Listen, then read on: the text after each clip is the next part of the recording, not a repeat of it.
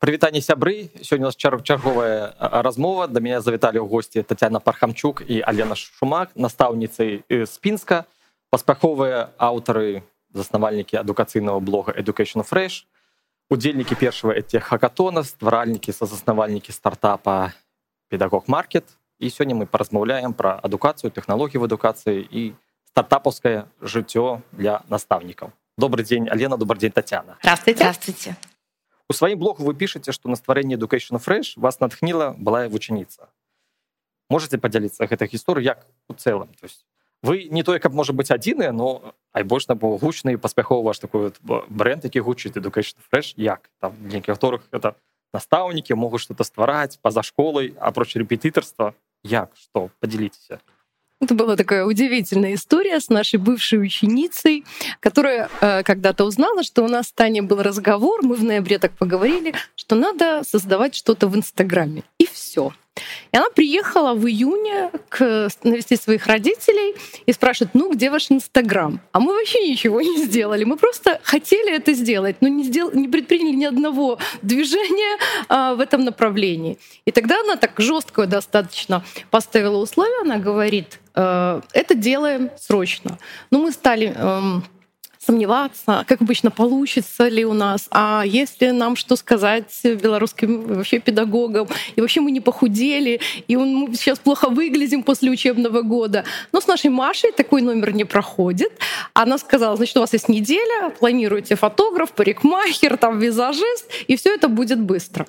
А, и мы, у нас такой был сумасшедший день, когда мы а, поехали к парикмахеру, кстати, тоже э, несостоявшийся педагог, а, потом мы отправились отправились э, фотографироваться. А, да, нас красил, макияж нам делал тоже наш ученик. И мы поехали фотографироваться к преподавателю шахмат, который... Социальный капитал наставников Потрясающе, да, просто это было.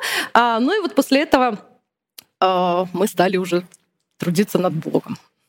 І нагадаць які-то год вы і колькі вот часу у вас ну, ад ідэі до запуска колькі там до першых клиентов ваших там слухачоў это было в 2021 году а нам чуть больше года на сегодняшний день год лето 21 да да лето 21 года а, и вот от момента когда мы сделали фотосессию и до момента запуска прошло две недели. Это очень мало конечно. Наверное это связано еще и с тем что мы были в отпуске более-менее свободны. А пока мы ждали фотографии маша там нас распаковывала очень долго мучила как мы будем называться пыталась добиться от нас что именно мы хотим сделать в образовании. А это было сложно но мы через это а, прорвались. И потом стали писать посты и через две недели когда были готовы фотографии сразу вышли там первые шесть или девять не помню постов який самый складаны этап был вот, вот, почать или признать, что робим, или обозваться? Какой у нас самый сложный этап? Ну, у нас, наверное, самым, самым сложным этапом у нас сложные этапы разные. Да? То есть это действительно так.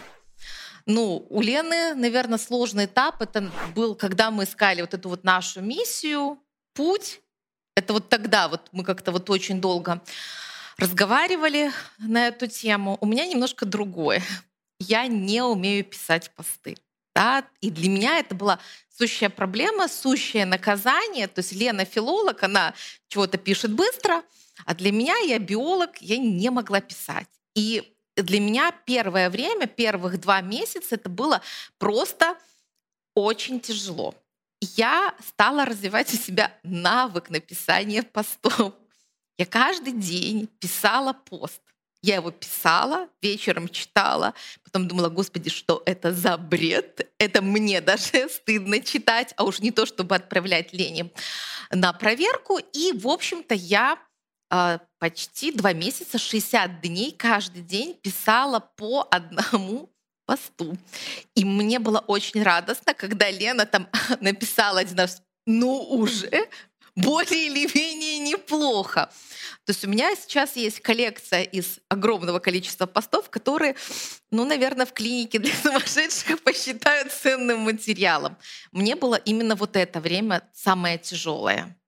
Якую миссию вы бачыце вашего блога что мотивуе вас ну не кинуть но уже целый год працуеце за свой час свои грошы там распакуеце Нет, мы а, четко придерживаемся своей миссии вот от начала, и мы, я уверена, что ее никогда в жизни не поменяем. Мы а, называемся Education Fresh. Вот ключевое слово у нас было fresh, потому что мы видим себя именно как а, тех учителей, которые привносят что-то новое, свежее в образование. И мы своим блогом хотим показать, что можно работать и так. А, это доступно каждому. И если учитель э, готов развиваться, он вполне может быть тоже фрешем, как и, э, и мы. И для нас еще важно показать, что в Беларуси образование, ну вот честно говорим, оно э, на достаточно хорошем уровне. И не надо там э, восхищаться только там российскими коллегами, у которых огромная аудитория. А мы можем также, просто надо делать. А мотивация, с мотивацией у нас, как и у всех, наверное, есть периодически проблемы. Мы э, ну, настроен нам легче. И мы э, периодически кто-то из нас там депрессует, а не хочет ничего делать, и тогда второй подставляет плечо и говорит, ладно, сейчас я поработаю. И так происходит тоже. Ви коли закранули колькі вас подписчиков і з яких регіонів країни зрозуміло що рускамони але з яких ви відсочуєтеся у нас сейчас і, да. і, і ті були які такі ну заважні вот скачки коли у вас там было 10-20 потом вот поперло у нас подписчики из разных стран. А, сейчас это Россия, Украина. Ой, Украина, Россия, Белоруссия все-таки Украина намного меньше. Сейчас э, подключился Казахстан, Узбекистан, вот носители а, языка. И так, забыла вопрос. Германия. За да, країни И кольки да. подписчиков так и, и те были скачки какие-то, что вы заважили, что у вас было там столько-столько, потом не, у нас был очень забавный скачок. А, вы знаете, Слава так пришла незаметно. Когда мы только-только начинали, у нас было меньше тысячи подписчиков, наверное. А, у нас э, журналист из нашего города. Очень так меньше тысячи. Да, тогда еще мы были доюные. Журналист из нашего города решила оказать нам а, хорошую такую услугу и написала в местной газете и на сайте статью о том, вот какие вот учителя. Причем а, вот что у нас блог, что у нас тут так круто, такие вот э, интересные все. А, они молодые, но бодрые, как вот они решили образование перевернуть и так далее. Ну, в конце, она немножко там не досмотрела, она в конце написала, что в этот блог для учителей, их родителей и детей. И мы заснули с одним количеством подписчиков, проснулись с другим. На нас стали подписываться дети. На нас стали подписываться там чемодан, Пинск, такси, э, мягкие пяточки. То есть совершенно мы не могли понять, что происходит. Это явно была не та целевая аудитория, на которую мы рассчитывали. Вот это у нас был огромный прирост, но они так же быстро уходят, как и приходят, потому что то, что мы предлагаем, им, безусловно, неинтересно. А какие это личбы?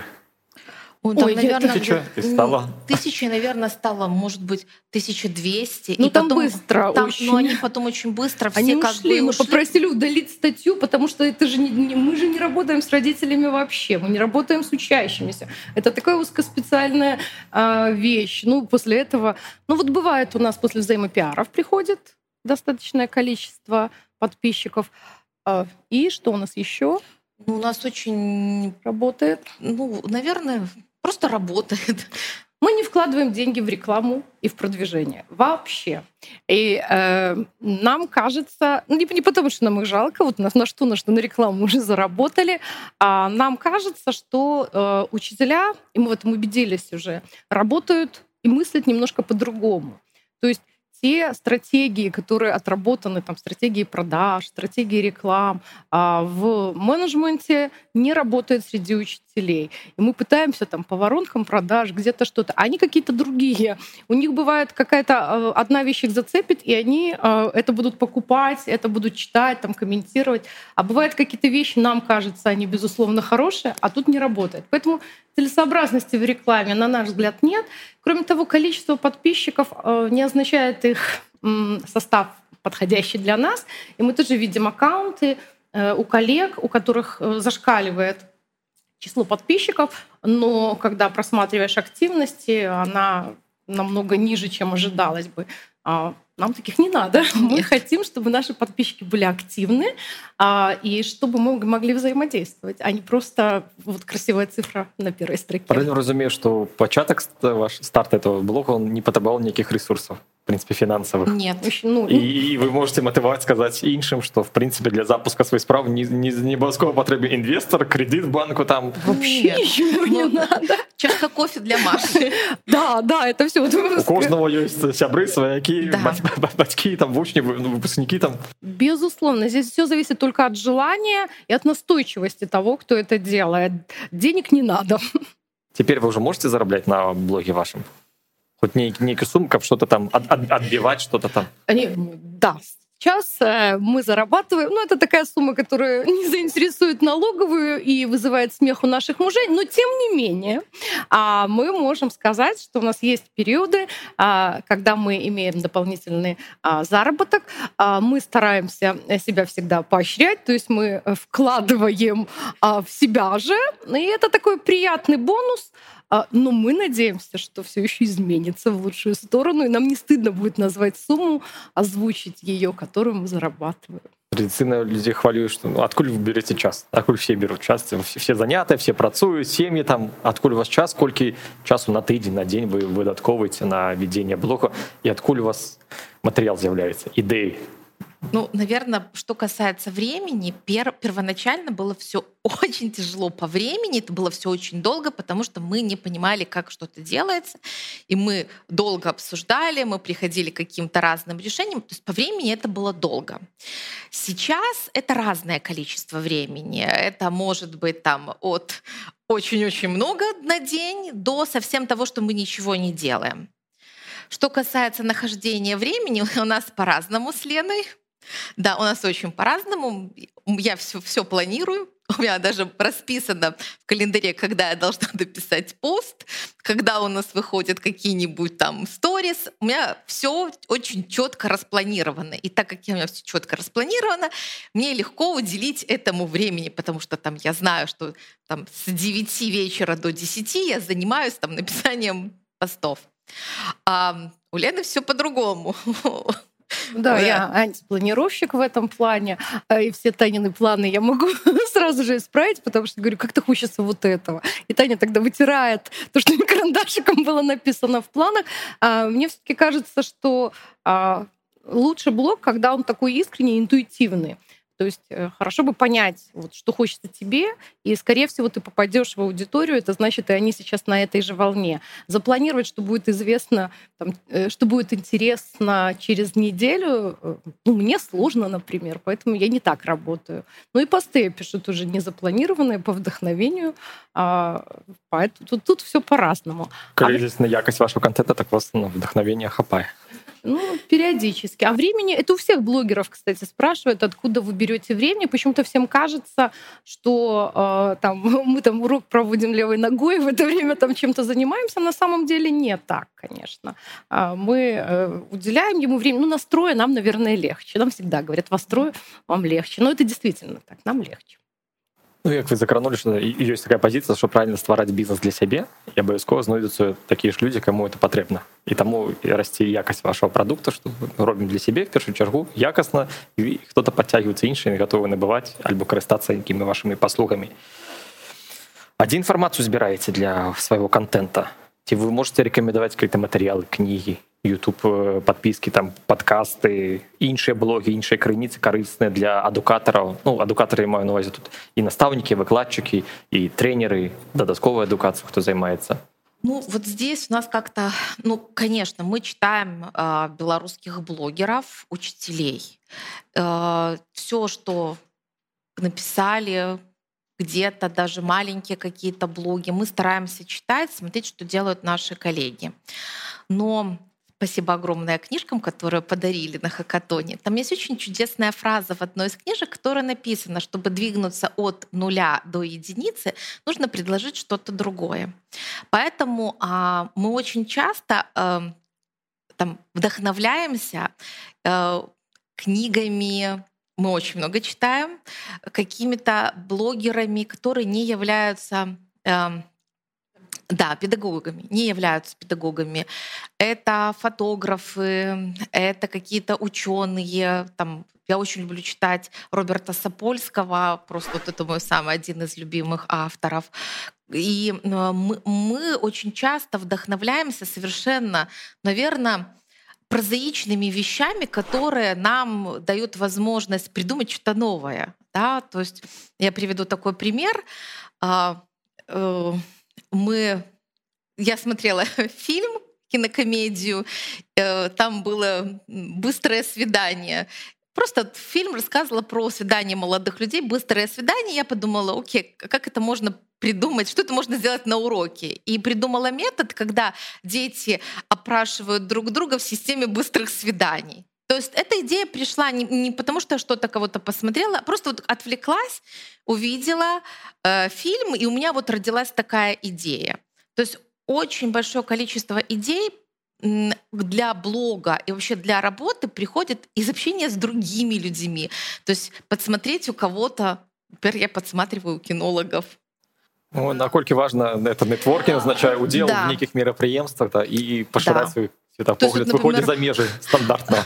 У кинолога нас, у меня две собаки, и мы ходим к кинологу, занимаемся, и она заставляет нас коммуницировать с собаками голосом. Ну, то есть не, там, не поводком, а именно голосом. И вот, значит, я иду, значит, говорю, какой ты у меня хорошенький, какой ты у меня умненький. То есть у нас тренировка утром, и я, значит, прибегаю на работу на вторую смену. Я прибегаю и начинаю просто говорить с детьми. Сначала я с ними говорю очень быстро, и они начинают при этом каким-то образом себя, то есть они не могут сосредоточиться, они что-то там начинают шуметь, они как-то вот все время двигаются, крутятся, а потом я перехожу на такой спокойный голос, равномерный, как вот учил кинолог, я смотрю на реакцию детей, они успокаиваются, они начинают меня слушать. Я понимаю, что спасибо огромное, что мне это объяснили, потому что это я смогла принести к себе на урок. То есть идеи всегда приходят где-то из окружающей среды. Это не факт, что мы не приедем вечером, и у нас не родится каких-нибудь идей педагогических после интервью. У нас тоже такая Танин сын, когда был маленький, он подбросил идею, и это сейчас мой прием, один из любимых. А он, когда учился в первом классе, он а, не делал домашнее задание, вместо него делал дедушка. А родители, а, занятые люди, они вообще не подозревали, что ребенок еще не умеет ничего делать, что все это дедушка выполняет, и ребенок успешен в школе. А, и когда потом он самое страшное для него, чтобы вот э, кто-то вместо него выполнил, э, это наоборот не самое страшное, это его желание, чтобы кто-то вместо него выполнял домашнее задание, тогда он будет счастлив. И я, вы знаете, попробовала в классе, говорю, «Ну, вот сегодня домашнее задание, вот делаете не вы, Найдите того, кто сделает вместо вас, но вы его просто проверьте. И а, они тут прокачивали навык. Во-первых, надо договориться с кем-то, да, кто может помочь. И не всегда это родители. Они там пытались договариваться с одноклассниками, где-то что-то еще, находить человек, э, приводить аргументы, почему это надо сделать. И потом э, свою домашнюю работу неинтересно же проверять, да, а вот чужую намного интереснее. То есть Танин Слава стал, в принципе, а, автором приема. А что касается вот а, блогов, которые вдохновляют, есть казахская казахский педагог Аяш. Я на нее подписана вот очень уже длительное время, и я видела, как у нее из маленького блога а, вырос достаточно большой блог, и я впервые услышала от нее термин учитель-предприниматель. Это было впервые. То есть я подумала, боже, как круто, какая она молодец, что она пришла к этому. И слава богу, что и мы потом после нее пришли к этому вот э, понятию, что учитель может быть не только учитель, но и предприниматель. Поэтому вот э, ее блог я рекомендую вот с самого начала, если кто-то начинает работать с блогом, вот начинать с самого начала читать ее посты, как она выгорала, как она вообще не хотела работать, и потом к чему она пришла сейчас, к какому мышлению. Вот, наверное, из э, педагогов для начинающих она была бы, наверное, самым идеальным. Вы сказали, что глядите іншых блогеров, наставников. Як вы оцените? Есть этот рынок такой белорусский, их шмат, не шмат белорусских наставников, выкладчиков, тренеров, які там ведут свои блоги? А, это такая... Бо я веду, напевно, только вас, бо вы так выбухнули, может быть, там, да, вы, вы гучите, а іншие як? Мы смотрим а, белорусских блогеров. Их много на самом деле. Просто а, какое-то определенное время тому назад, э, ну, там были явные проблемы с контентом, то есть они не, не могли определиться, это личный блог или это образовательный блог. То есть у нас это четко разделено. Здесь мы работаем, здесь мы живем. А вот это вот смешение, оно не давало хорошего качества. Э, и посты, которые писались, они такие были очень разные, противоречивые. И главное, что они не работали над э, увеличением подписчиков. А, Все равно выкладываться для аудитории в 300 человек и в 3000 — это разные вещи. Понятно, что а, для самооценки и для такого внутреннего какого-то самоощущения важнее, что, что тебя больше человек читают. Но мы должны сказать, что сейчас мы заметили такую явную тенденцию. Вдруг это мы с Таней этому поспособствовали. И мы сейчас видим посты и прямо друг другу строчим. Ну вот посмотри, как интересно. Да? Вот до этого было что-то так. А вот здесь вот просто выстреливает пост очень хороший, очень качественный. Тема интересная. Подача такая уникальная. И это белорусские блогеры.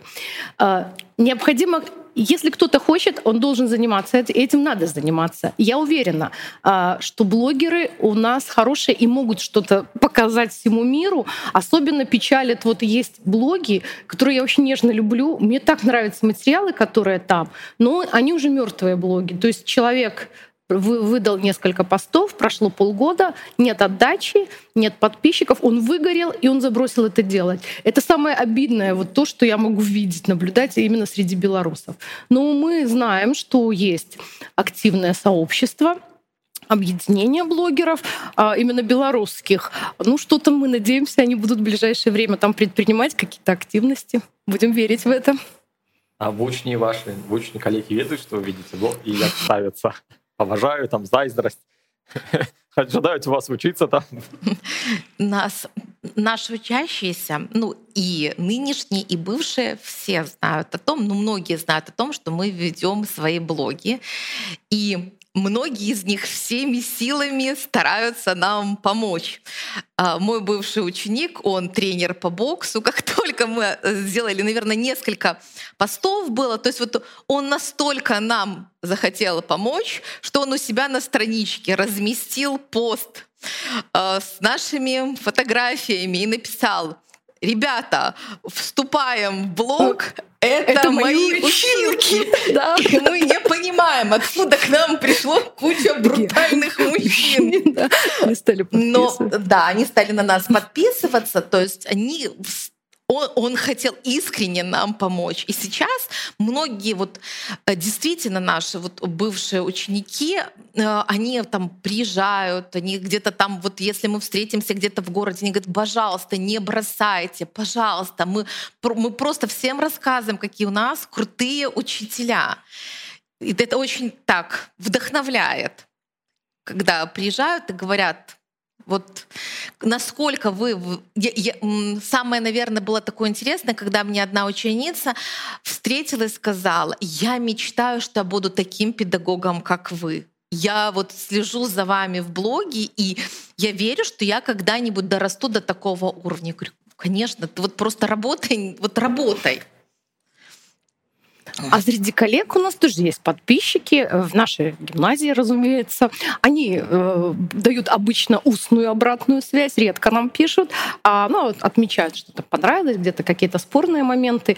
У нас в городе, вот почему мы не вкладываемся в рекламу? У нас в городе, а вот мы знаем о двух случаях, когда нас, мы не просили об этом, прорекламировал директор или зауч. Почему в одной школе это было так удивительно? Он говорит, там есть такой, вот показали, там нас подписывайтесь, есть многие штучки, там это такой был хороший рекламный ход. А во второй школе это было вообще что-то чем-то. А зауч сказала, вот есть такие вот, вот в гимназии, да, вот они могут, а вы нет, все создайте блоги, и вот давайте вот как они. Э, в общем, почти что насильно, и учителя тогда нас немного возненавидели, потому что получается, что мы добавили им работу по, по блогінгу. Цікаво. А які пости користаються найбільш популярністю вашої? Можете зауважити, чому? Просто виходні виходять, в будні дні там на каникулах. Не, не, есть логика.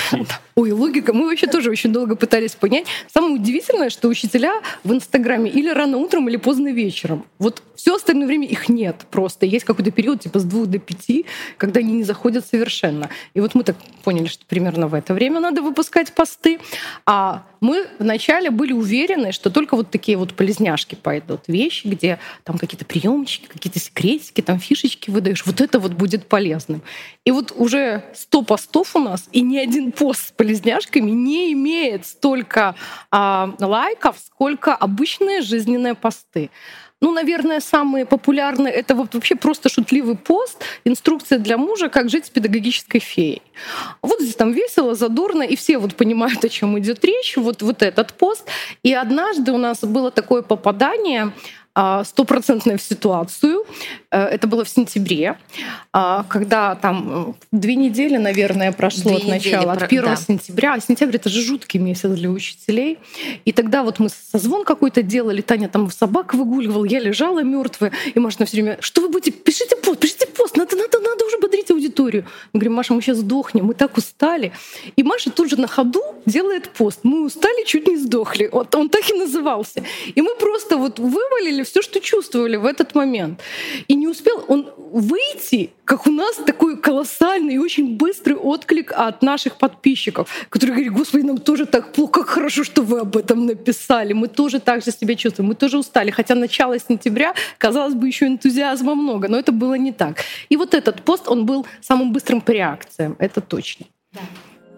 Какие технологии, может, можете порадить, повлияли на вашу працоўную ну, наши уроки ну, во-первых, нужно сказать, что э, наш директор прекраснейший человек, он видит, насколько мы работаем, сколько мы всего делаем. И, наверное, одними из первых у нас появились мультиборды. У меня в кабинете и у Лены в кабинете есть огромные мультиборды. Ну и грех было не воспользоваться всеми технологиями, которые можно было бы использовать. Э, вот, честно говоря, мы технологии разделяем на несколько групп. Это те технологии, которые позволяют управлять классом, то есть организовывать какую-то самостоятельную работу, даже контролировать где-то каким-то образом дисциплину. Еще одна группа э, технологий, которые позволяют визуализировать материал, а для детей, они же визуалы, им очень хочется посмотреть что-то яркое, что-то необычное. Или, например, так, чтобы а, учебный материал был дополнен чем-то таким эффектом вау или каким-то юморным эффектом, потому что у нас очень хорошо идут мемы на учебных занятиях. Дети просто вот э, э, они, им, они ждут, что придумает учитель новое. И э, третья группа — это э, инструментов, которых мы используем, это связано с тестами. Для нас с Леной очень важный экологический, дружественный подход. И, например, мы очень много с детьми делаем различных тестов. То есть у меня, например, 10 класс, и практически каждый урок это какой-то тест. Я просто представляю, сколько леса я могу спасти, когда мы просто сделаем какой-то тест на повторение, на закрепление э, материала электронный. То есть на мобильных телефонах это не займет много времени, но это спасет ну, не одно дерево. Плюс использование всех электронных ресурсов, оно уже становится вживаемым просто в, в жизнь. Ребенок, там, я не знаю, фотографирует домашние задания, он делает какие-то себе аудиозаметки, он уже практически не пишет от руки, можно просто наговорить домашнее задание себе в аудиозаметку и сделать, или, например, там э, переслать даже ее другу. И поэтому, опять-таки, дети это используют, значит, им это очень важно. Значит, через это они будут получать лучше знания плотность урока становится больше. То есть мы можем больше успеть за учебное э, занятие с использованием цифровых ресурсов. Поэтому мы стараемся искать что-то новое. Я э, ну, могу сразу сказать, что я все время ищу. Я все время нахожусь в поиске новых, новых, новых, новых, новых инструментов. Там у меня уже больше, чем за 100 различных инструментов, которых я могу использовать, потому что Лена может сказать, а давай-ка сделаем это. И вот, а раз сделаем это, значит, я говорю, окей, давай к вечеру, на, на, утречком будет тебе, например, там мультик, без вопросов, да, то есть а, я ищу какие-то все время новые сервисы, иногда покупаю платно, потом понимаю, что для меня это не подходит или неприемлемо, я ищу другие какие-то сервисы, то есть э, чтобы предложить это коллегам. То есть уже то, что я пережила, то, что я переработала, то, что кажется мне, наверное, а, более оптимальным по времени, потому что временной фактор тоже имеет очень важное значение, то есть чтобы сделать быстро и качественно, мы уже предлагаем коллегам в своем блоге а, те инструменты, которые легкие, не требуют большого количества времени и затрат. Ну и э, на ура воспринимаются школьниками. Поэтому уроки мы раньше работали другими приемами, другими методами. Изменилось время, значит, мы работаем другими приемами, другими методами так, чтобы детям это нравилось. Дети могут використовувати мультиборди как, как да. ну, отказывать рихтовать да, задания, да, да, да. Дети, во-первых, а, могут на переменах. Им очень нравится, когда ты готовишь какие-то ну, э, какие-нибудь тесты. Они могут вообще не касаться, например, там э, урока. Э, ты, если ты приготовишь какой-то из э, фильма Гарри Поттер, э, так, кто-то из героев о Гарри Поттере, они будут с удовольствием этот тест проходить. Причем ты можешь понять, как они коммуницируют между собой, когда они отвечают на этот тест. Э, на учебных занятиях дети настолько становятся продвинутые, что они мне показывают технологию, как можно менять слайды с мобильного телефона. И говорят, ну зачем вам, Татьяна Викторовна, презентер? Ну вот вы же можете с телефона. Я говорю, я этому еще не научилась. То есть они немножко быстрее, чем мы. И поэтому они даже сами могут сделать какое-то задание в эм, приложении и прислать себе на электронную почту и сказать, вот а давайте мы вот это вот сделаем, потому что я, мне, мне захотелось такое задание сделать. Поэтому дает больше возможностей для детей в информации. Ну и разнообразно, и на переменах тоже. Тады пытанне вот вяртаемся да тэмы хакатона калі памятаце было три праекта якія праз гейміфікацыю праз гульні вывучэнне матэматыкі хіміі ваше стаўленне наколькі эта гейміфікацыя можа дапамагчы калі вот напрыклад з 5 класа будзе гейміфікацыя хімія фізіка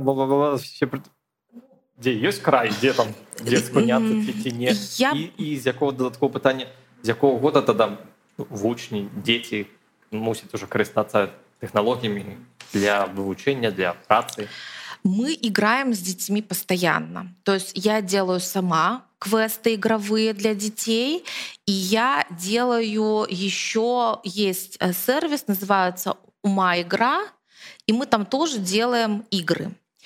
Э, через игру у детей просыпается азарт.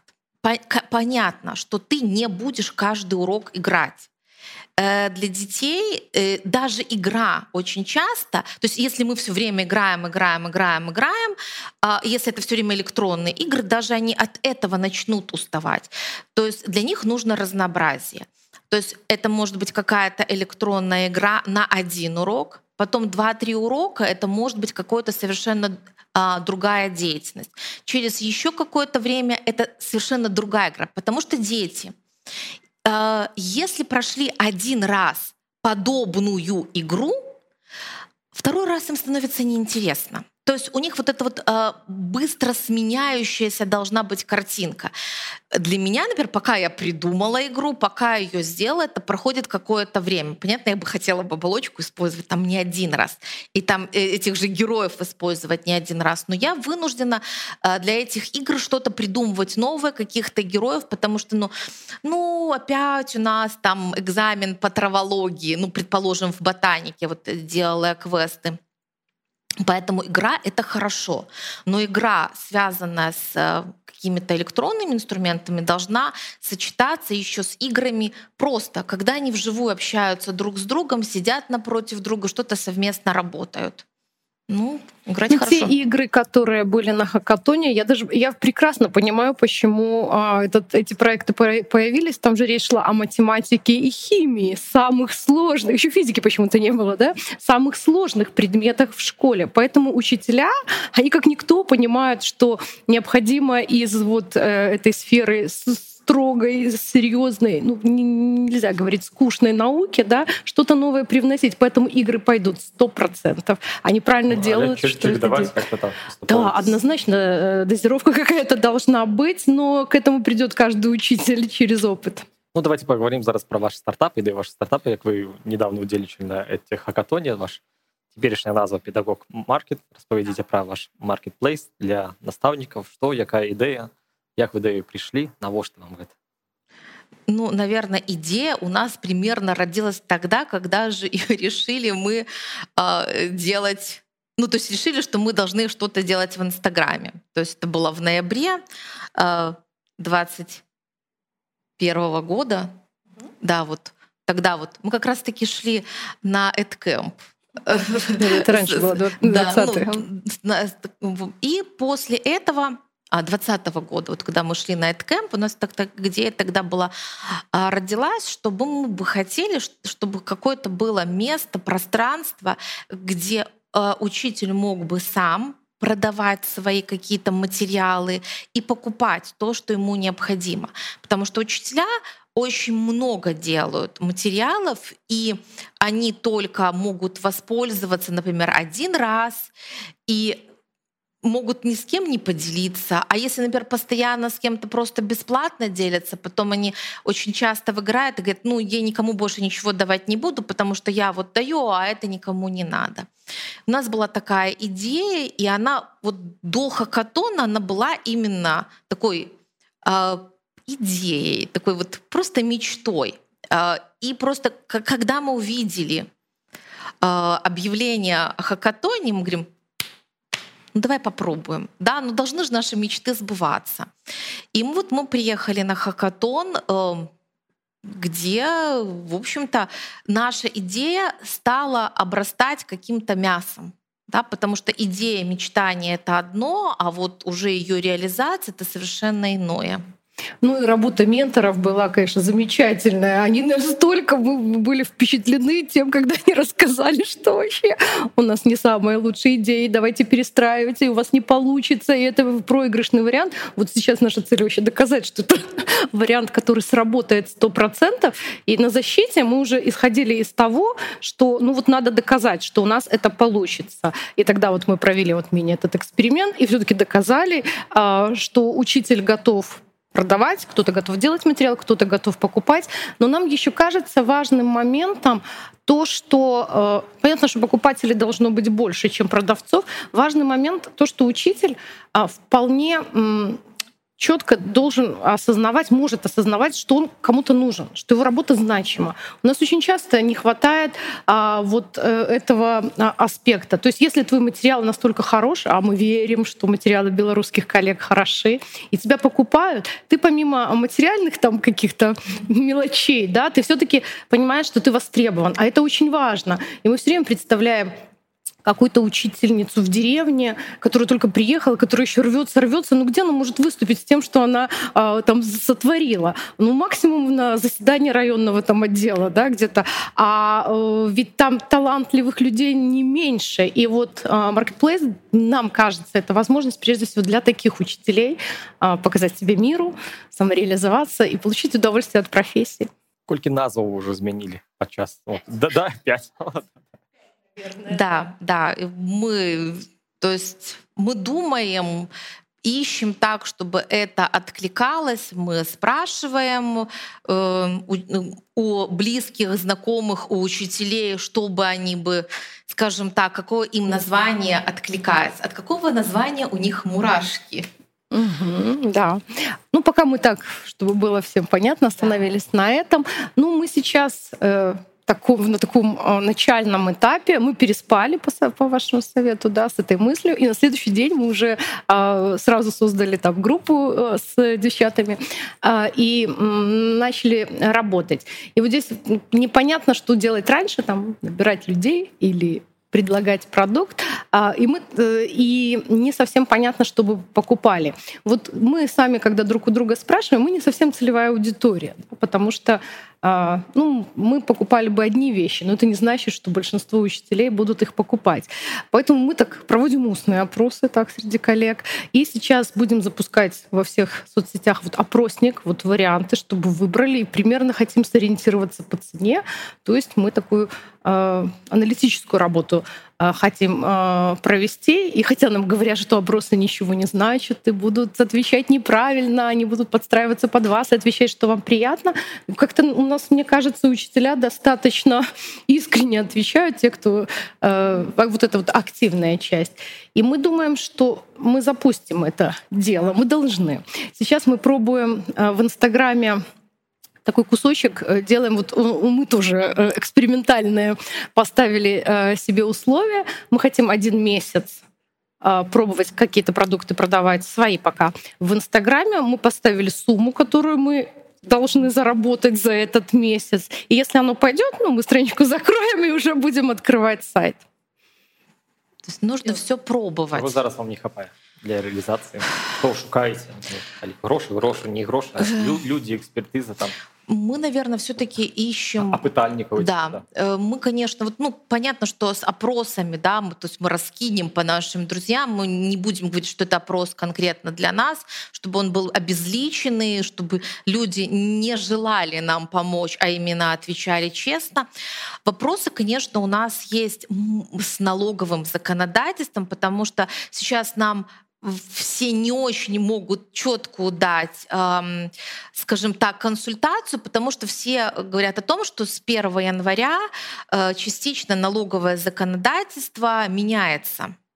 И э, говорят о том, что ну вы подождите, да, мы сейчас все получим сами какие-то разъяснения, пояснения, и тогда мы можем четко дать ответ вам, потому что где-то какие-то моменты остаются э, нераскрытыми. И поэтому вот вот это вот нам консультация, ну, мы ну, надеемся, что уже к, там, к сентябрю, октябрю получат какие-то э, там, разъяснения по новому налоговому законодательству, чтобы мы сделали все правильно.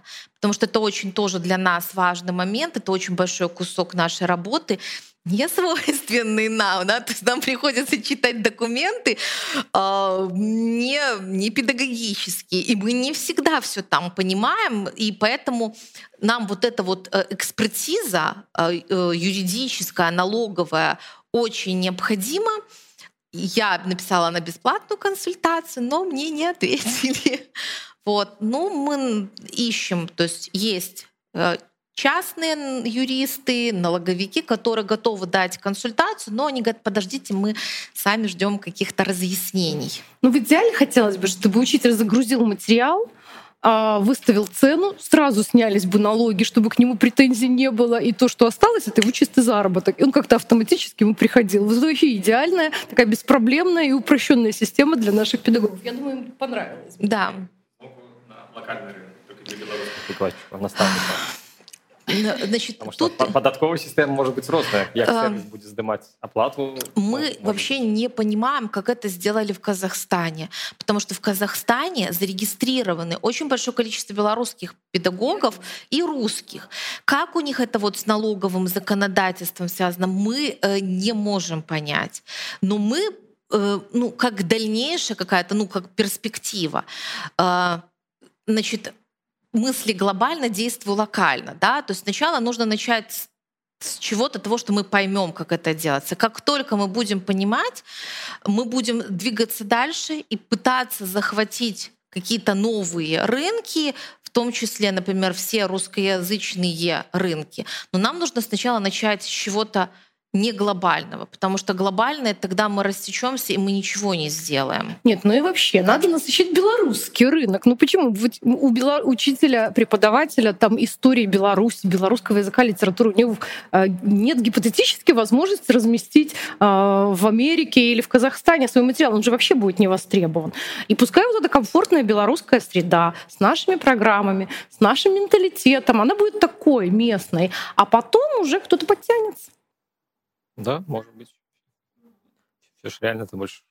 Падчас падрыхтоўкі да хакатона я пазнаёмся даведаўся пазнаваў што в прынцыпе беларусю шмат шмат такіх фрилансераў якія ўжо працуюць і не без кошту не один год Мачым еще да пандеміі пачыналі это тренеры это тренер йоги это вот наставники репетыторы это розныя тренеры консультанты там безліч іх такая.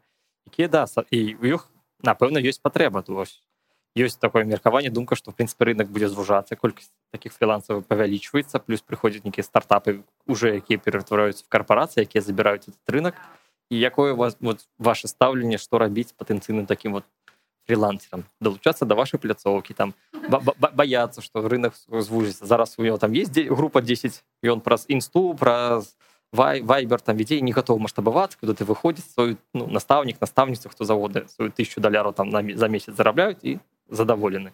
А праз месяц этой группы там может быть не быть уже 10 может быть 5 как ему подрыхтоваться ну ваш просто поразважать ваши думки.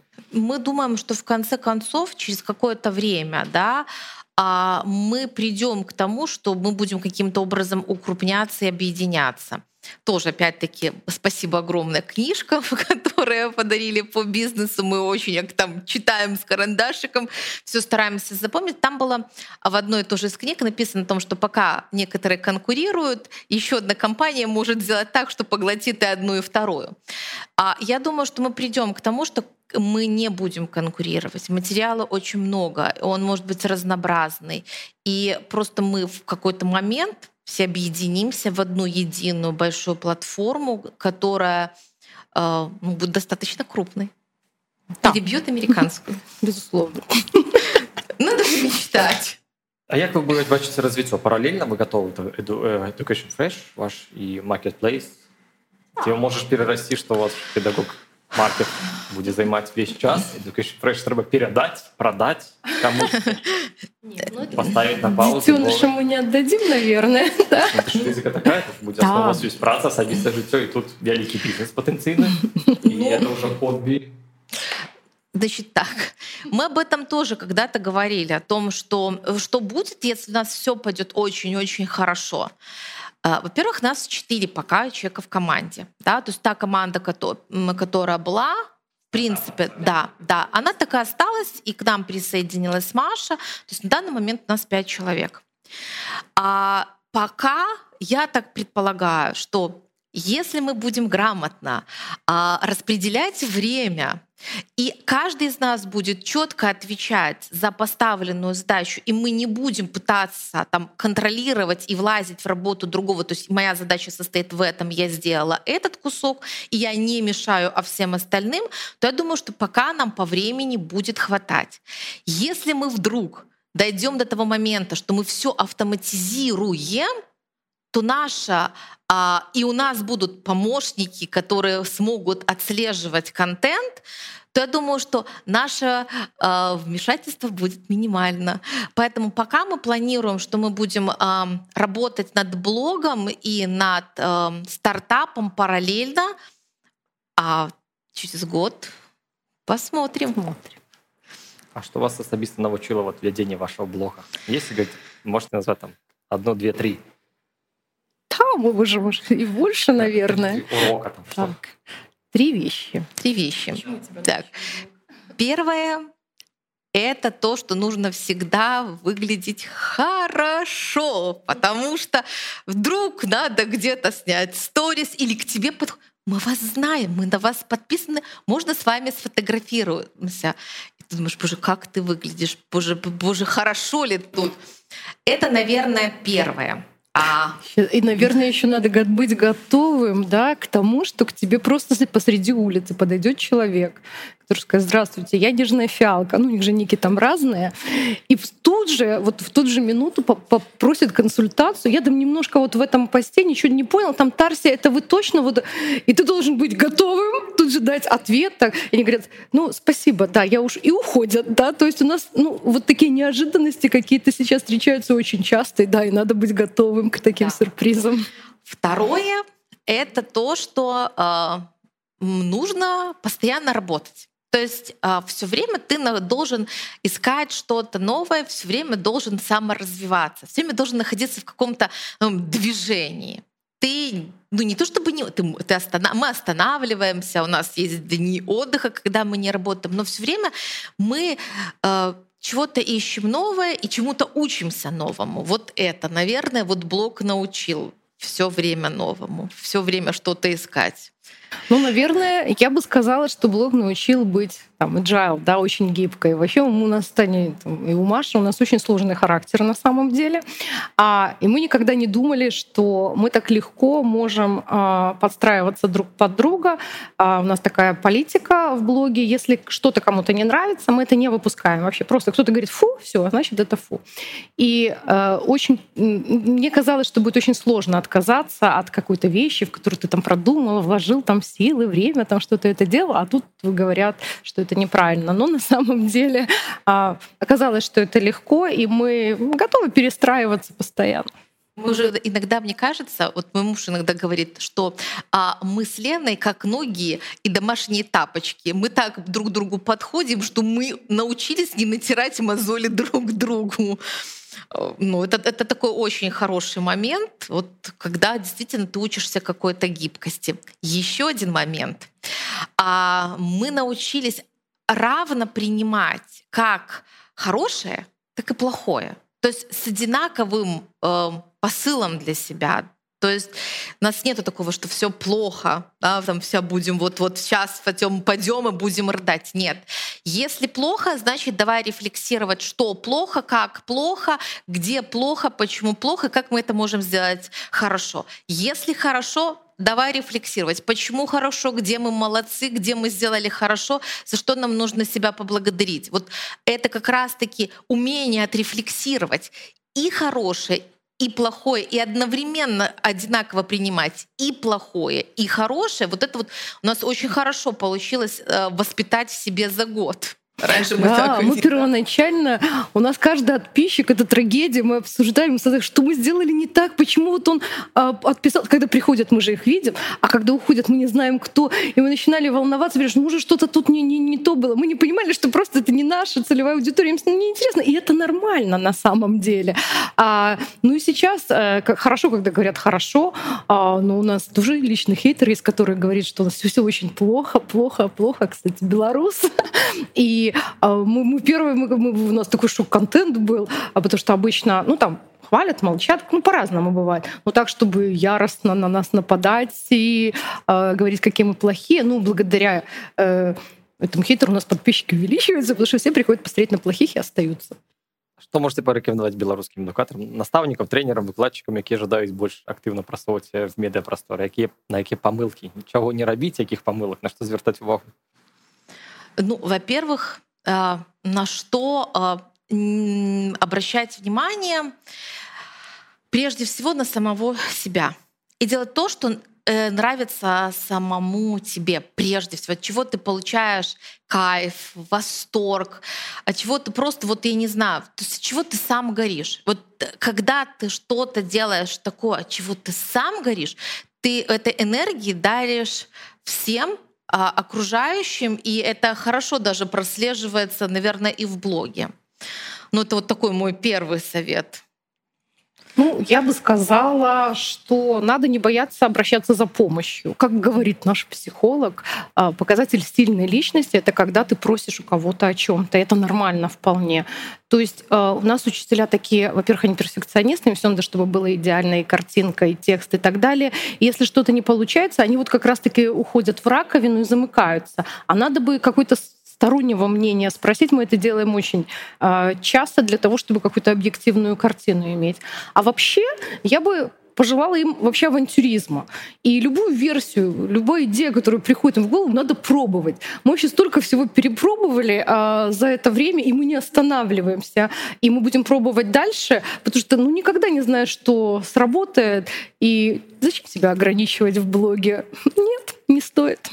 калі пафантазаваць адукацыя будучыні якой вы бачыце или хацелі бы чтобы было в этой адукацыі фармальна нефармальнай там любой бізнесовый О, наверное, это вот такой вообще философский вопрос, что бы хотели бы а, в будущем. Ну, наверное, какого-то, может быть, разнообразия. Да? То есть разнообразие форм работы, приемов, методов, типов учебных заведений, форм, учебников, такого, что может подойти разным детям, да, учебники для дислексиков, ну это, это моя такая личная боль, там а, учебники для того, для детей, которые там больше а, любят заниматься какими-то практическими заданиями, может быть больше каких-то разнообразных факультативов. А, плюс еще, наверное, мне кажется, что э, чтобы учителя стали немножко другими, они к чему-то стремились большему, то есть они сами себя развивали, понимали, что э, на них смотрят дети, то есть от их учатся дети. Поэтому хотелось бы, чтобы вот какое-то было развитие у учителей. Ну, я бы хотела, э, чтобы реформы в образовании э, были не сверху, а снизу. Вот это э, моя мечта, потому что учителя на местах точно знают, что им больше надо. А, и ну, если бы разрешили что-то попробовать новое, я не думаю, что это была бы трагедия для белорусского образования. Скорее всего, это был бы какой-то шаг вперед. А, и по поводу образования, ну все говорят, да, ну устарело, там детям неинтересно. Это всем, всем понятно. Можно об этом жаловаться, можно плакать, там, переживать. Оно должно быть качественно, но это зависит от учителя прежде всего. Учитель — это э, один из самых главных людей Я в жизни каждого это все як, як настаўнікі на наш лакальным рынке а уявіце як вы прадпрымальнікі і адукацыя глобальная если говорить целом, о глобальной, э, глобальном образовании, то опять-таки это тоже вот этот момент движения, возможности обучения учащихся педагогами из других стран. То есть это такие коллаборации, которые могут э, строить, например, учитель ну, там, из Белоруссии и учитель где-нибудь из Франции. Они какими-то, ну, я не знаю, там технологиями могут связываться, могут вести занятия для разноязычных групп. Еще такой момент — это постоянно, знаете, там год это такая моя вообще просто мечта. Это год образовательных путешествий. То есть когда дети, например, могут ездить в другие страны, учиться с другими детьми, там менять школы, перемещаться. То есть, или, например, там мы сели в автобус и поехали, например, по всем школам Европы, где в каждой школе мы там про, про какое-то время, и а, может быть э, это мы, мы ведь не всегда хорошо понимаем, как учат в других местах. И, может быть, когда мы посмотрим, и дети посмотрят, как учатся другие какие-то дети, им станет более интересна наша система образования или, например, другая система образования. Но это просто, ну, пока, конечно же, невыполнимо. Но в э, образовании будущего я считаю, что это коллаборация учителей разных предметов, разных стран и формирование каких-то глобальных сообществ учителей. Ну, хотелось бы, наверное, у всех есть дети, поэтому проблема образования, она же заботит на самом деле не только учителей, а ну и тех, чьи дети ходят в школы.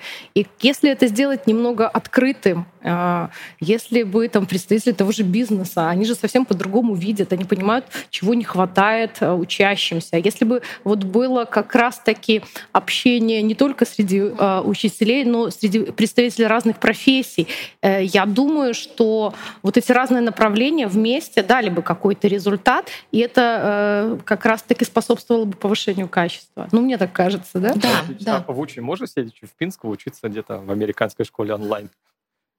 Я предполагаю, что... Будучи не такого, что не будет уже привязки там, до района. Ну, хорошо бы, да, была такая возможность, но он, бы выбрал э, что для социализации белорусскую школу и пришел к нам. Это вообще было бы здорово. Нет, но, наверное, надо так. Нет, тоже. ну, когда-то у нас... Ну, то есть... Э, я так предполагаю, что ребенок может, наверное, каким-то курсом онлайн, я, я предполагаю, что, наверное, они в Америке есть различные курсы для подростков, для детей, которые могли бы присоединиться.